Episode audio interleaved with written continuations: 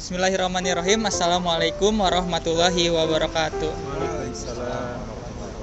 Alhamdulillah nahmadu wa nasta'inu wa nastaghfiru wa na'udzubillahi min syururi anfusina wa min sayyiati a'malina may yahdihillahu fala mudhillalah wa may yudhlilhu fala hadiyalah.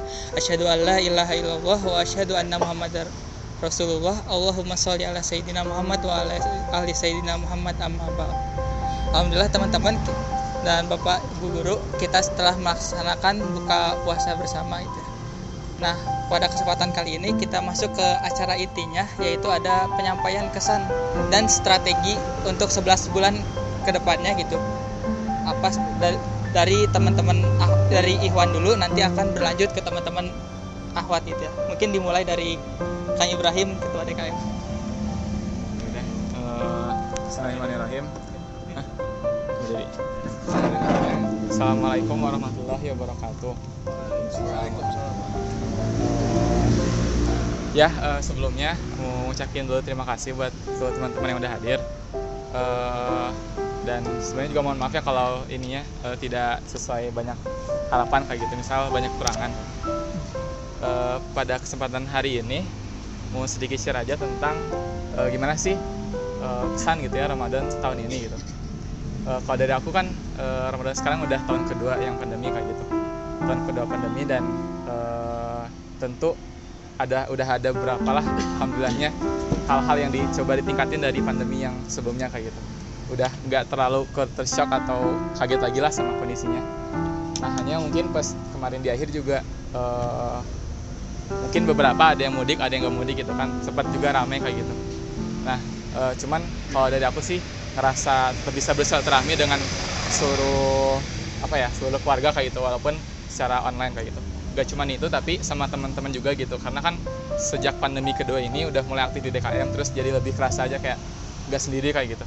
Mungkin kalau buat siswa-siswa lain yang nggak uh, agonasi atau eskol ya mungkin dengan teman-temannya kayak gitu kayak gitu aja. Nah alhamdulillah di sini aku ngerasa ya lebih ada aja gitu ada teman ada rekan yang bisa sharing lah gitu kedua mungkin uh, kesan lainnya uh, alhamdulillah gitu ya masjid udah mulai dibuka dan ya banyak uh, aktivitas uh, kajian dan sebagainya yang sudah mulai pelan-pelan ada kayak gitu. Di Ramadan hari ini di Ramadan tahun ini itu udah mulai ada lagi. Dan alhamdulillah juga waktu pas sudah 10 terakhir udah bisa gitu sama teman-teman DKM teman-teman daerah rumah kayak gitu untuk uh, ngejar itu. Buat tipsnya sih apa ya mungkin nanti bisa di akhir aja kayak aku tapi intinya setelah Ramadan ini uh, amalan yang udah dilakuin di sebelumnya atau pas Ramadannya itu uh, kalau aku sendiri uh, usahain buat tetap dilakuin kayak gitu.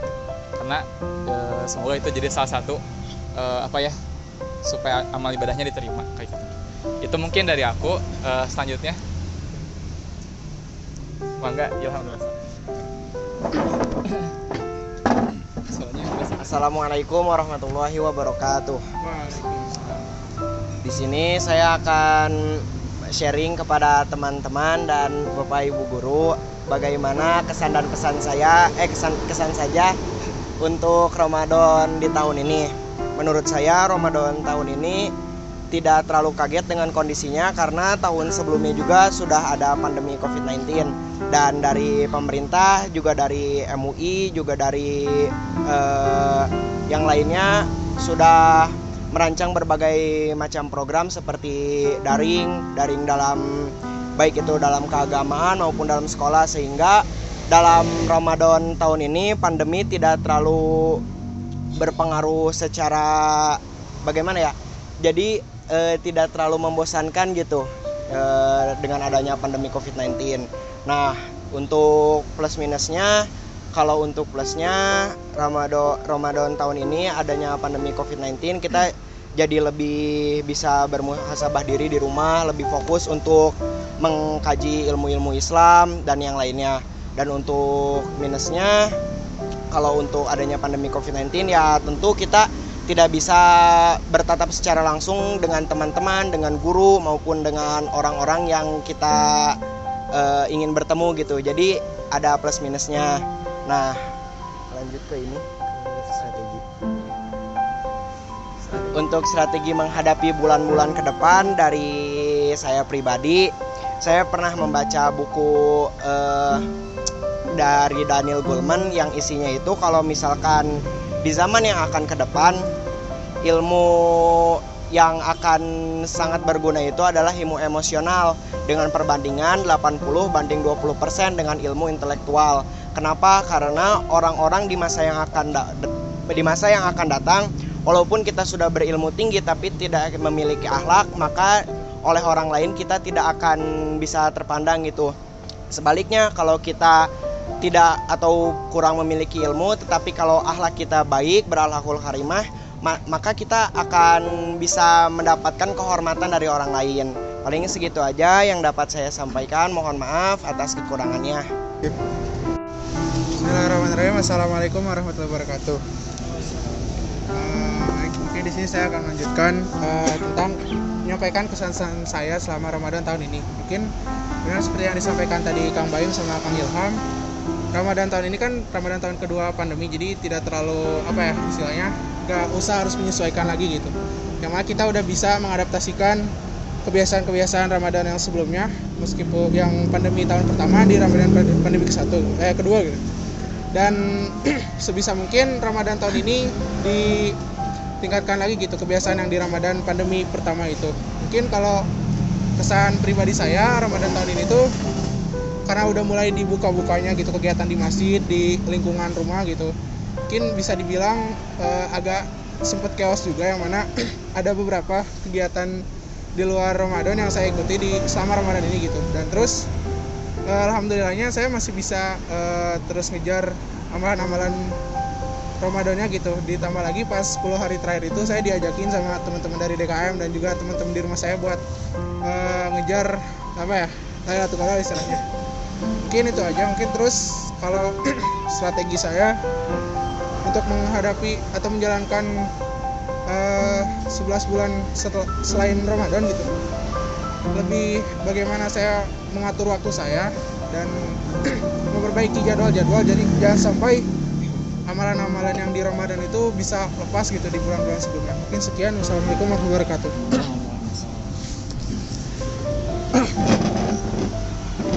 Assalamualaikum warahmatullahi wabarakatuh. Uh, di sini saya akan menyampaikan kesan saya uh, selama bulan Ramadan kemarin.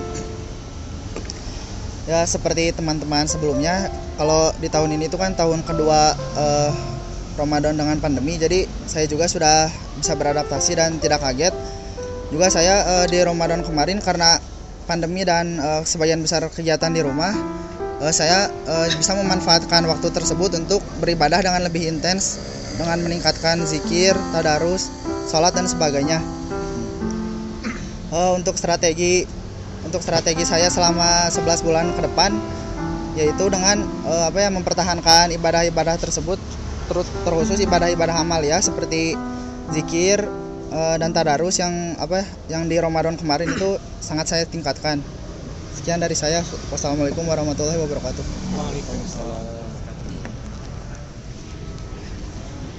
Assalamualaikum warahmatullahi wabarakatuh jadi eh, kesan-kesan saya selama bulan Ramadan gitu mungkin yang di awal itu sama gitu sama teman-teman yang lain bahwa misalnya di Ramadan kedua di pandemi kita sudah mulai beraktivitas lalu alhamdulillah di tahun ini juga mungkin dari pihak sekolah dan DKM juga sudah mulai melaksanakan Zoom melalui virtual gitu. Jadi ada agenda yang mengisi di bulan Ramadan. Dan alhamdulillah juga di 10 hari terakhir bulan Ramadan ada dari teman-teman DKM gitu ya mengajak untuk mengejar uh, malam Lailatul Qadar beritikaf bersama gitu. Nah, kalau dari saya pribadi uh, strategi untuk bulan ke depan yaitu saya saya biasanya mengingat sebuah pesan yang disampaikan oleh orang tua saya gitu. Nah, pesan ini pun yang membuat saya bermotiv mendapatkan motivasi untuk ke depannya menjadi lebih baik. Yaitu kalau misalnya kita tidak mem, me, apa namanya tidak meningkatkan ibadah terus kita menjauh dari Allah nanti siapa gitu yang bakal ngedoain orang tua gitu. Soalnya orang tua saya pernah berpesan kepada saya ibu cuman mau minta imbalan sama kamu cuman satu yaitu cuman minta uh, doa kalau misalnya ibu udah meninggal sholatkan uh, jadi kamu jadi imam sholat jenazah ibu dan eh, doakan selalu ibu gitu. Jadi itulah yang menjadi apa ya strategi saya yang selalu dipakai untuk meningkatkan amal ibadah gitu agar apa ya bisa di- terwujud gitu ke depannya untuk terus di jalan Allah gitu selanjutnya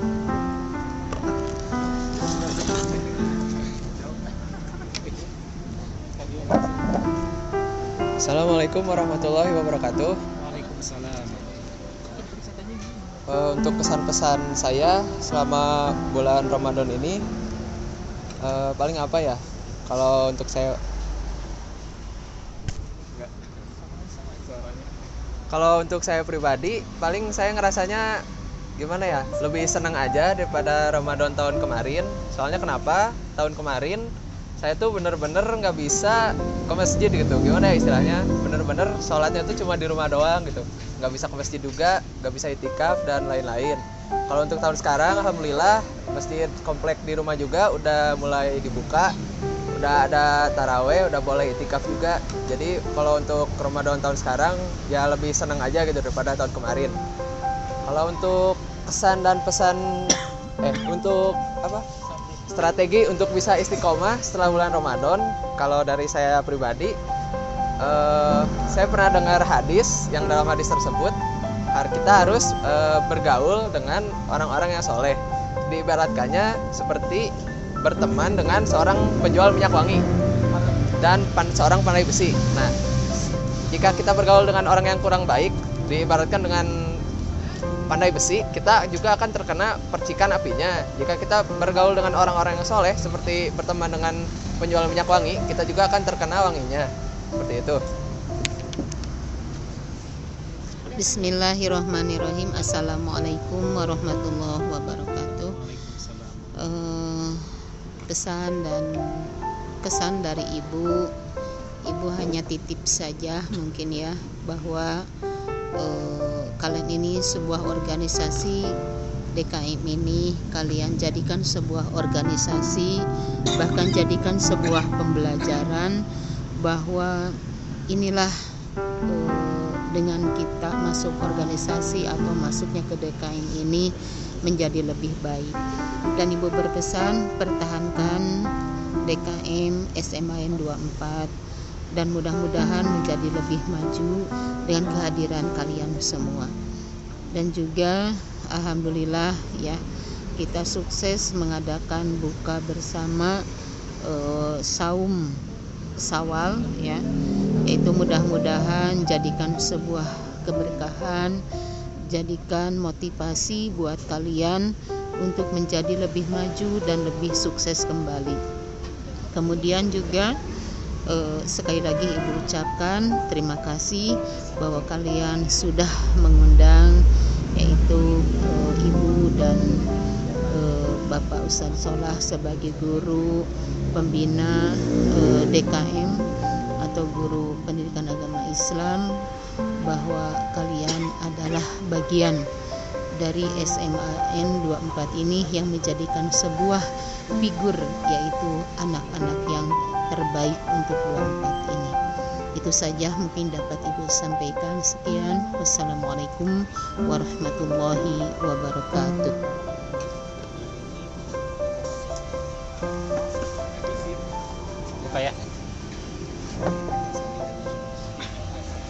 Bismillahirrahmanirrahim. Assalamualaikum warahmatullahi wabarakatuh. Hamdan wa syukran lillah. Ashhadu an la ilaha illallah wahdahu la syarikalah Wa ashhadu anna muhammadan abduhu wa rasuluh Alladhi la nabiyya ba'dah. Allahumma salli ala Muhammad wa ala alihi wa sahbihi ajmain. Amma ba'd. Para siswa para siswi Alhamdulillah puji syukur kita panjatkan kehadirat ilahi Rabbi Allah Rabbul Izzati yang sampai saat ini masih memberikan jatah usia kesehatan dan kesempatan kepada kita. Sehingga di malam hari yang baik ini tepatnya tanggal 8 Sawal ya 1442 Hijriah Alhamdulillah Allah Subhanahu wa taala menggerakkan hati kita menggerakkan kaki kita untuk hadir di tempat ini dalam rangka buka bersama saum sawal dan tentunya ini adalah anugerah terbesar dari Allah Subhanahu wa taala karena biasanya buka bersama itu di bulan Ramadan sementara kita bisa melaksanakan di bulan Sawal. Artinya kita termasuk orang-orang yang oleh Allah diberikan anugerah taufik hidayah dikarenakan apa? mampu untuk melanjutkan kebiasaan baik kita di bulan Ramadan karena Rasulullah SAW telah mengingatkan kepada kita dalam salah satu sabdanya man soma ramadana sumat bahu sitan min sawalin kana kasyami dahri. Siapa orang yang saum di Ramadan kemudian dilanjutkan dengan saum sunnah 6 hari di bulan Sawal karena kasami dahri maka kita seolah-olah saum sepanjang tahun. Ini sangat luar biasa. Allah yang maha pemurah yang penuh kasih sayang kepada kita memberikan keringanan. Sangat sulit kita melaksanakan saum 6 365 hari. Artinya satu tahun itu full. Kita sulit untuk melaksanakan saum sunnah. Jangankan saum sunnah full selama setahun di Ramadan saja kadang-kadang kalau tidak kita memiliki kekuatan iman ada jenuhnya, ada bosannya. Sementara ini Allah memberikan keutamaan, memberikan uh, apa itu? Uh, fadilah ketika kita melaksanakan saum Sawal 6 hari di bulan Sawal ini, maka seolah-olah kita saum sepanjang tahun. Oleh karena itu bersyukur kepada Allah Subhanahu wa taala ketika kita semua diberikan topik hidayah oleh Allah, diberikan kesehatan, lantas setelah Ramadan kita melanjutkan dengan saum Sawal 6 hari. Yang sudah full alhamdulillah, yang belum masih banyak kesempatan. Kurang lebih ada sekitar 20 hari lagi lah, paling tidak seperti itu. Terkait dengan apa yang kita rasakan di bulan Ramadan, tentunya ini tidak ada bedanya dengan tahun-tahun ke belakang. Pengalaman entah tahun keberapa Bapak ya untuk melaksanakan saum Ramadan. Kalau Ananda sekarang mungkin kalau usia 17 tahun atau 16 tahun mungkin eh, 10 atau berapa tahun ya saumnya. Kalau Bapak mungkin sekarang 48 tahun, kalau dulu 5 tahun mulai saum berarti sudah 43 tahun pengalaman Ramadan, begitu ya. Oke. Tentunya ada kesan yang sangat luar biasa ketika Ramadan hadir gitu kan. Dari sejak kecil sampai sekarang begitu dan yang menjadi uh, apa itu motivasi kita ketika Ramadan itu hadir di tengah-tengah kehidupan kita kita diberikan keringanan oleh Allah untuk melaksanakan segala perintah-perintah Allah Subhanahu wa taala. Ketika di luar Ramadan tentunya kita mau melaksanakan apa itu sholat sunnah barangkali agak ogah-ogahan begitu ya. Sementara di Ramadan ini kita melaksanakan sholat sunnah itu sangat luar biasa Jangankan yang wajib, yang sunnah juga kita laksanakan. Tarawih kita laksanakan, walaupun kita setelah buka. Ketika sudah buka biasanya kita ngantuk, gitu ya, karena sudah diisi perut kita. Tapi ketika Ramadan itu kita maksimalkan wayahna, gitu kan, kita melaksanakan uh, sholat sunnah. Karena apa? Karena kata Rasulullah, ketika kita melaksanakan yang sunnah di Ramadan itu dinilai wajib. Ketika kita melaksanakan yang wajib, maka diberikan pahala berlipat-lipat dan tidak ada di luar Ramadan. Ini yang menjadi motivasi kita ketika di bulan Ramadan, begitu kan? Nah, kemudian para siswa yang budiman, anak-anakku yang salih, cerdas dan mulia, terkait dengan di bulan Ramadan itu, mudah-mudahan kita mendapatkan goal settingnya yaitu la'alakum tatakun kita menjadi orang-orang bertakwa. Itu yang menjadi motivasi kita untuk senantiasa meningkatkan kualitas kuantitas amal ibadah kita. Nah lantas ketika Ramadan pergi Ramadan berlalu Ramadan meninggalkan kita tentunya di sini ada harap-harap cemas gitu. Ada H2C begitu kan. Berharapnya mudah-mudahan Allah Subhanahu wa taala menerima seluruh rangkaian amal ibadah kita. Cemasnya Allah tidak menerima amal ibadah kita. Itu harus ada kecemasan itu. Kemudian kecemasan yang kedua khawatir kita tidak bertemu kembali dengan Ramadan tahun depan. Karena tidak ada jaminan dari Allah kita akan bertemu dengan Ramadan tahun depan. Terbukti tahun lalu tahun 2020 ada saudara kita ada tetangga kita ada kerabat kita hadir bersama-sama di masjid untuk sholat kemudian tadarus bersama kemudian tarawih bersama kemudian itikaf bersama ternyata tahun kemarin sudah tidak ada sudah wafat. Nah, ini kecemasan untuk kita semua. Belum tentu kita hadir di tengah-tengah Ramadan tahun depan. Oleh karena itu, strateginya pasca Ramadan ini janganlah kita berhenti. Karena ada yang mengatakan orang Islam itu ada Islam musiman. Ketika Ramadan meningkat amal ibadahnya, ketika Ramadan meningkat kualitas amal ibadahnya, ketika Ramadan berakhir, berakhir pula kualitas kuantitas amal ibadahnya. Ini adalah muslim musiman. Kita jangan seperti itu. Tetapi justru ketika Ramadan berakhir, ini kesempatan kita untuk apa? Untuk meningkatkan kualitas kuantitas amal ibadah apalagi di bulan Sawal. Sawal ini artinya adalah bulan peningkatan. Artinya kita harus meningkatkan amal ibadah kita. Grafik ibadah kita harus meningkat. Karena pada dasarnya Ramadan ini adalah bulan tempaan, bulan latihan langsung dari Allah Subhanahu wa taala. Kita ditarbiyah di Ramadan ini. Untuk apa? Untuk menjadi muslim yang hebat di 11 bulan ke depan. Seperti itu. Kata Allah atau Allah berfirman di dalam surah Al-Hijr ayat 99, "Wa'bud rabbaka hatta ya'tiyal yaqin." Sembahlah Allah sampai datangnya al-yakin. Al-yakin itu arta, artinya adalah ajal. Jadi artinya strategi kita setelah Ramadan ini kita terus meningkatkan kualitas kuantitas amal ibadah kita sampai datangnya al-yakin, yakni ajal menjemput kita. Kebiasaan-kebiasaan baik di bulan Ramadan, mari kita istiqomahkan di luar Ramadan ini. Ananda sudah merasakan begitu nikmatnya sholat berjamaah di masjid. Maka kita harus belajar sholat berjamaah di masjid, terutama untuk yang ikhwan ya. Cukup sahabat Abdullah ibnu Maktum menjadi motivasi kita.